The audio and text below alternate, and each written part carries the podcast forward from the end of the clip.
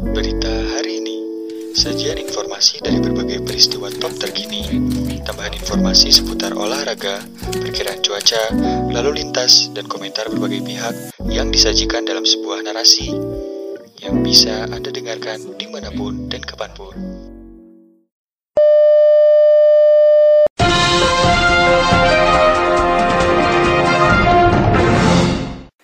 Dari Detik News setelah kurang lebih tiga tahun dua bulan, dua pelaku kasus penyiraman air keras terhadap penyidik senior Komisi Pemberantasan Korupsi atau KPK Novel Baswedan diadili.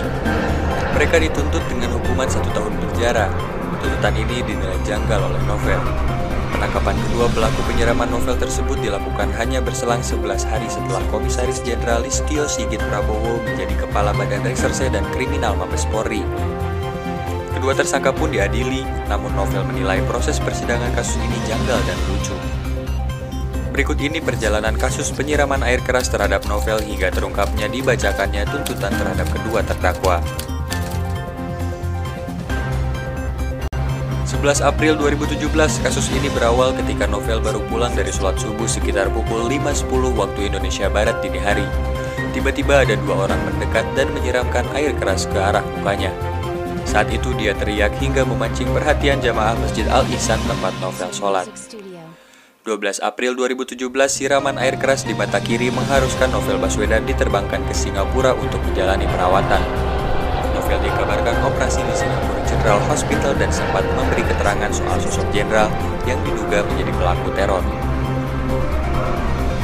31 Juli 2017, usai memberi keterangan, polisi meminta Novel melapor dan mengirimkan tim untuk mengkonfirmasi.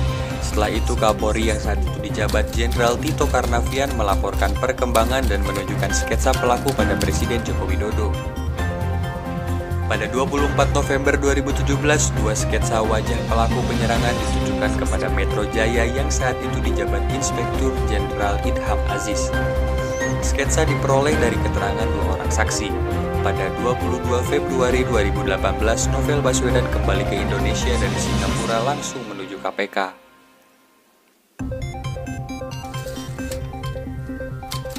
9 Maret 2018, Komisi Nasional Hak Asasi Manusia atau Komnas HAM membentuk tim penyelidikan kasus penyerangan Novel Baswedan.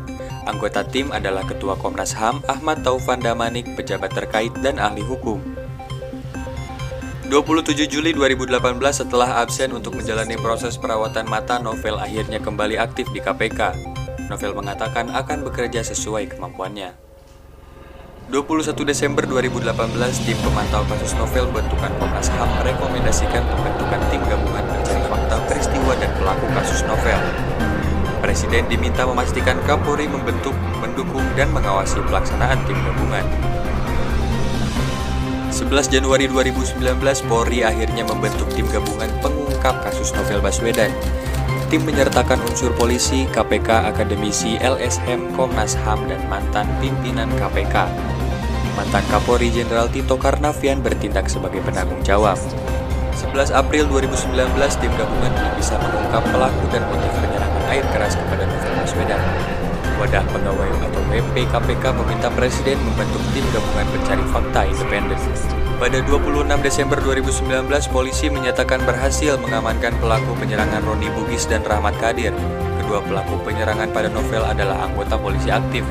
Mereka pun ditetapkan menjadi tersangka dalam kasus ini. 11 Juni 2019, sidang tuntutan digelar. Jaksa meyakini keduanya bersalah melakukan penganiayaan berat terhadap novel Baswedan. Keduanya terbukti melakukan tindak pidana sebagaimana dakwaan subsidi.